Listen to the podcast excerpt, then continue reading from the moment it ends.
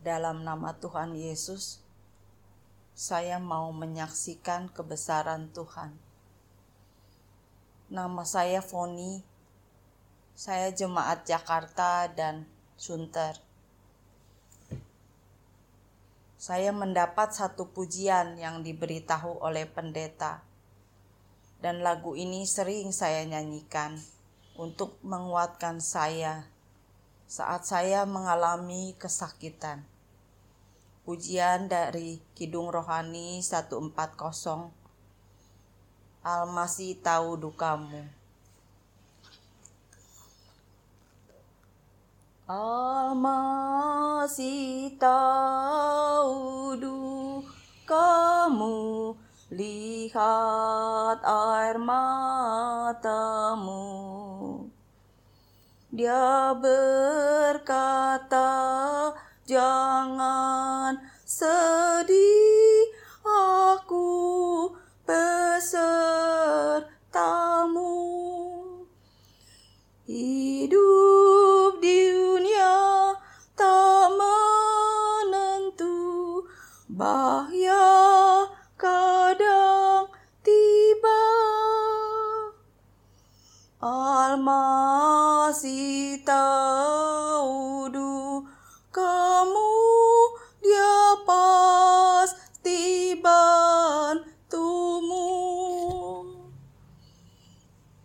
Lagu ini Tuhan melihat dan tahu duka yang dialami.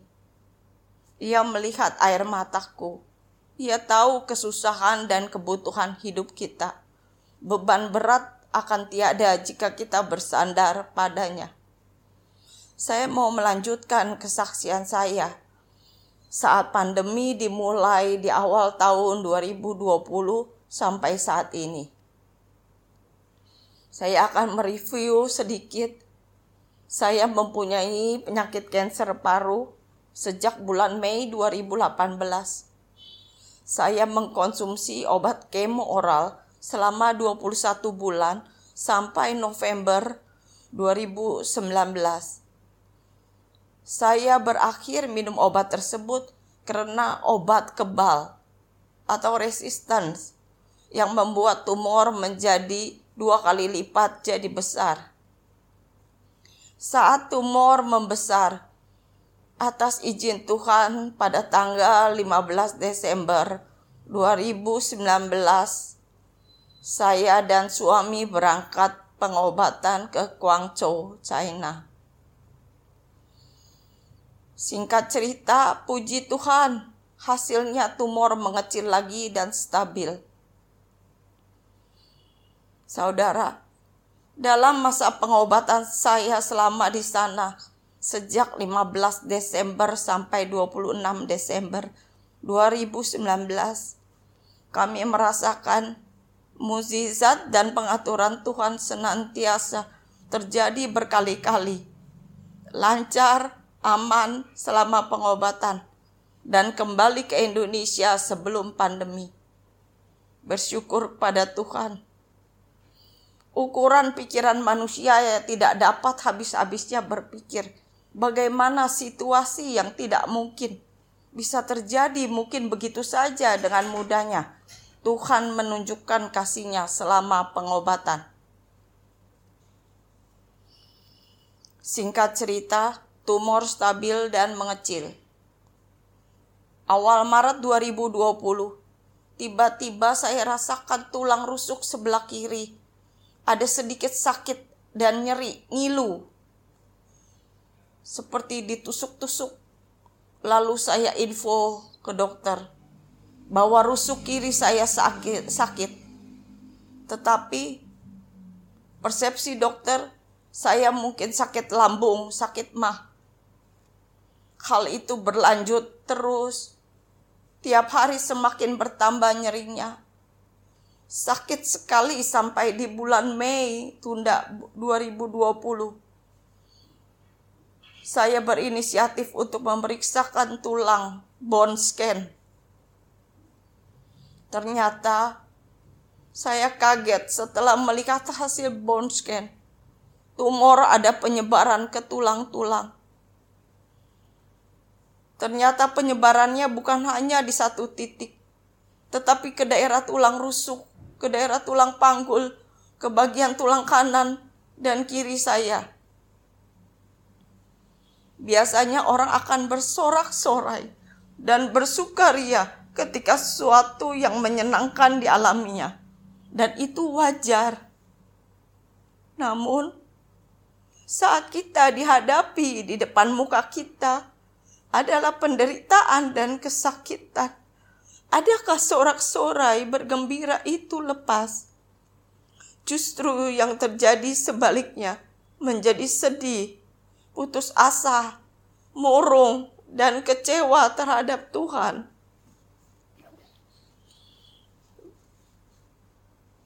Tetapi firman Tuhan menguatkan melalui Nabi Habakuk Habakuk 3 ayat 17 dan 18. Sekalipun pohon ara tidak berbunga, pohon anggur tidak berbuah, hasil pohon zaitun mengecewakan. Sekalipun ladang-ladang tidak menghasilkan bahan makanan, kambing domba terhalau dari kurungan dan tidak ada lembu sapi dalam kandang. Namun aku akan bersorak-sorak di dalam Allah yang menyelamatkan aku. Setelah penyebaran ke tulang-tulang, saya mendapat hikmat Tuhan untuk segera mengecek bagian kepala. Karena jenis kanker ini adalah adenokarsinoma yang dapat menyerang ke bagian otak kepala. Kami lakukan MRI secepatnya di bulan 5. Saudara, ternyata hasilnya di luar pikiran kami. Saat mendengar kami, hasil dari bagian otak, saat itu lutut saya lemes. Saya hanya memanggil nama Tuhan. Tolong saya Tuhan. Beri saya kekuatan untuk menerima dan melewatinya.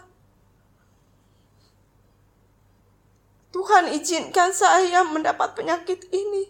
Saya tahu juga Tuhan akan memampukan saya untuk tegar hadapi ini semua. Penyerangan ke bagian otak ternyata ada 10 titik. Dan tumor otak di bagian mata sebelah kanan mempunyai ukuran cukup besar dua setengah sentimeter. Saat penyerangan ke bagian otak, saudara puji Tuhan. Tuhan jaga saya. Saya tidak merasa sakit, tidak merasa pusing, ataupun bicara melantur. Di bulan Juni 2020, otak kepala diradiasi secara menyeluruh 10 kali. Pengorbanan usaha, tenaga, waktu yang banyak sekali menyita kami, khususnya suami pendamping yang mengurusi segala admin BPJS yang rumit. Ia harus menunggu mendaftar sejak jam 2 pagi dan bolak-balik bisa empat kali kembali lagi di hari yang sama untuk prosesnya. Saat ini tumor tetap menyerang. Tulang rusuk kiri sakitnya bukan main. Bahkan saya mau bangun dari tempat tidur pun saya tidak bisa. Saya harus dipapah, diangkat, jalan saya tertati-tati. Hanya obat anti nyeri secara rutin saya minum hingga kadang menyebabkan timbul halusinasi. Saat itu kami masih bolak-balik masuk IGD. Saat pertama ada waktu tensi saya turun ke 66 sampai dan 44. 66 tinggi, bawah 44. Dokter menginfus memberi obat kandungan morfin agar rasa sakit berkurang. Saat tindakan radiasi kepala dilakukan, kondisi saya mual muntah-muntah, lemes. Suatu hari, ketika saya mandi keramas, tak terasa tanpa disadari, saya menggenggam sekepal rambut rontok saya.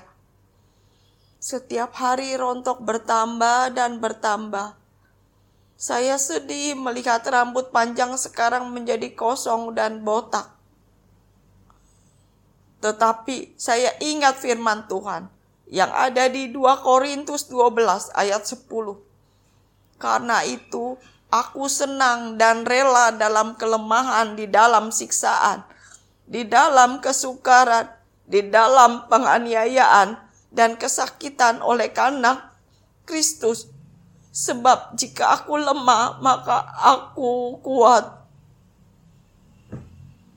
Saudara, akhirnya pengobatan radiasi otak selesai saya tetap melanjutkan pengobatan dengan kemo infus ke babak selanjutnya. Kami tetap semangat untuk suatu perubahan dan berjalan terus bersama Tuhan. Kami bolak-balik ke rumah sakit setelah saya lakukan kemo sembilan kali. Untuk melihat hasil pengobatan kemo harus dilakukan radiologi PET scan melihat apakah tumor mengecil, apakah ada proses perbaikan tumor, dan apakah ada penyebaran lagi. Biaya PET scan tidak ditanggung BPJS dan harganya mencapai belasan juta. Tetapi hal ini tetap harus kami lakukan sebagai acuan untuk melihat hasilnya. Apakah obat infus cocok atau tidak di tubuh saya? kami kesulitan untuk membiayai dan hanya berdoa dan berdoa dan andalkan Tuhan agar membuka jalan buat kami. Saudara, PET scan tertunda kurang lebih satu bulan. Tetapi ajaibnya suatu hari, tiba-tiba seorang pekerja kudus gereja Sunter chatting saya menanyakan untuk menolong biaya pengobatan saya. Puji Tuhan, puji syukur. Sungguh besar kuasa Tuhan. Ia dapat membuka jalan dan menunjukkan kasih kepada anak-anaknya. Saudara, waktu akan terus berputar. Tiap detik, tiap menit, tiap jam akan berjalan maju terus dan tidak pernah mundur Waktu tidak akan berhenti untuk menunggu kita. Dan juga waktu tidak akan peduli dengan apa yang telah kita kerjakan atau sia-siakan. Yang pasti usia akan termakan oleh waktu. Sebab itu kami tetap berjalan dan memegang tangan Tuhan terus melangkah. Walaupun saya terasa beban itu berat dan banyak rintangan di depan mata tak habis-habisnya. Kemo berlanjut sebanyak 9 kali baru berakhir 25 November 2020. Hasil PET scan juga sudah keluar.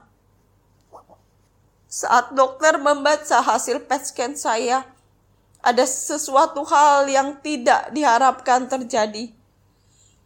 Ternyata obat kemo tidak bekerja dengan baik, tidak efektif, tumor masih menyebar secara progresif, bahkan menyerang penyebaran keempat titik baru. Ke bagian usus, ke bagian paha kiri, paha belakang, dan rusuk kiri.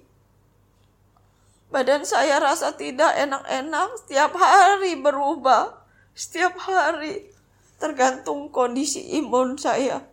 Rusuk, panggul, paha semakin sakit hari ke hari. Kebas, mual, muntah. Perut saya sakit. Dan saya belum mendapat pengobatan apa pun sejak 25 November. Karena kemo tidak efektif kami hanya basic bolak-balik keluar IGD, EGD 20 Januari 2021 dokter mengusulkan melakukan radiasi tulang. Dan dipandu hanya cocok minum obat e oral level 3 yang namanya Tagriso selama satu tahun. Mendengar hal itu, pikiran saya berkecamuk lagi. Saudara, kalau radiasi bisa dilakukan menggunakan BPJS, tapi obat minum oral ini harus pribadi dan harganya juga mahal sekali 26,4 juta penggunaan 30 hari selama satu tahun. Bagaimana mungkin saya dapat minum obat semahal itu? Kami tidak mampu membeli obat tersebut. Saya bertanya kepada Tuhan, Tuhan, apakah begitu berat pencobaan yang harus saya hadapi? Tidak bisakah engkau melepaskan penderitaan ini?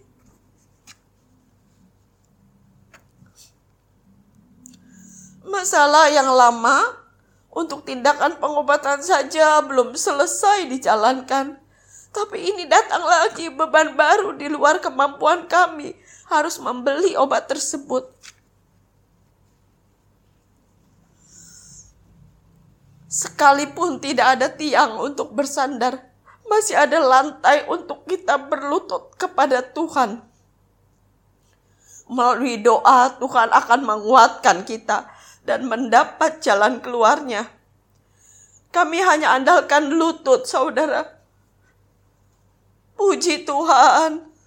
Setelah beberapa hari kemudian, ada seorang jemaat yang tiba-tiba menyumbang mengirim dana. Dan juga dari pihak diakoni Jakarta dan Sunter. Puji syukur, beban berat, obat awal separohnya dapat bantuan dan saya bisa membeli untuk satu bulan. Saya tidak mau berpikir lagi lebih jauh bagaimana untuk bulan selanjutnya dan bagaimana untuk selanjutnya. Saya yakin Tuhan pasti punya cara untuk jalan keluarnya. Yang pasti, pencobaan yang terjadi dalam hidup kita bukan untuk membuat kita menderita, tetapi sebagai jembatan untuk melangkah lebih dekat kepada Tuhan dan kita dapat menyatakan kebesaran Tuhan dalam hidup kita. Saya tahu rintangan depan mata akan masih banyak lagi dan harus saya hadapi. Saya harus tetap melangkah terus walaupun rintangan itu terasa berat.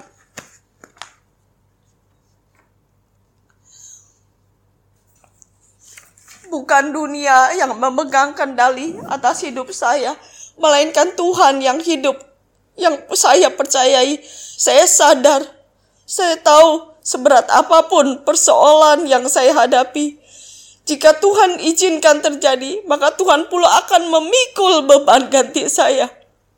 Saat ini, saya masih harus terus menjalankan pengobatan, dan saya serahkan semua hidup dan jiwa raga saya hanya kepada Tuhan.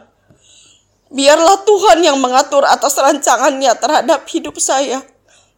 Sebagai ayat terakhir, sebagai pegangan hidup saya, saya ambil 2 Korintus 12 ayat 9. Tetapi jawab Tuhan kepadaku, cukuplah kasih karuniaku bagimu, sebab justru dalam kelemahanlah kuasaku menjadi sempurna. Sebab itu terlebih suka aku bermegah atas kelemahanku, supaya kuasa Kristus menaungi aku. Segala kemuliaan dan puji syukur hanya bagi nama Tuhan Yesus. Haleluya. Amin.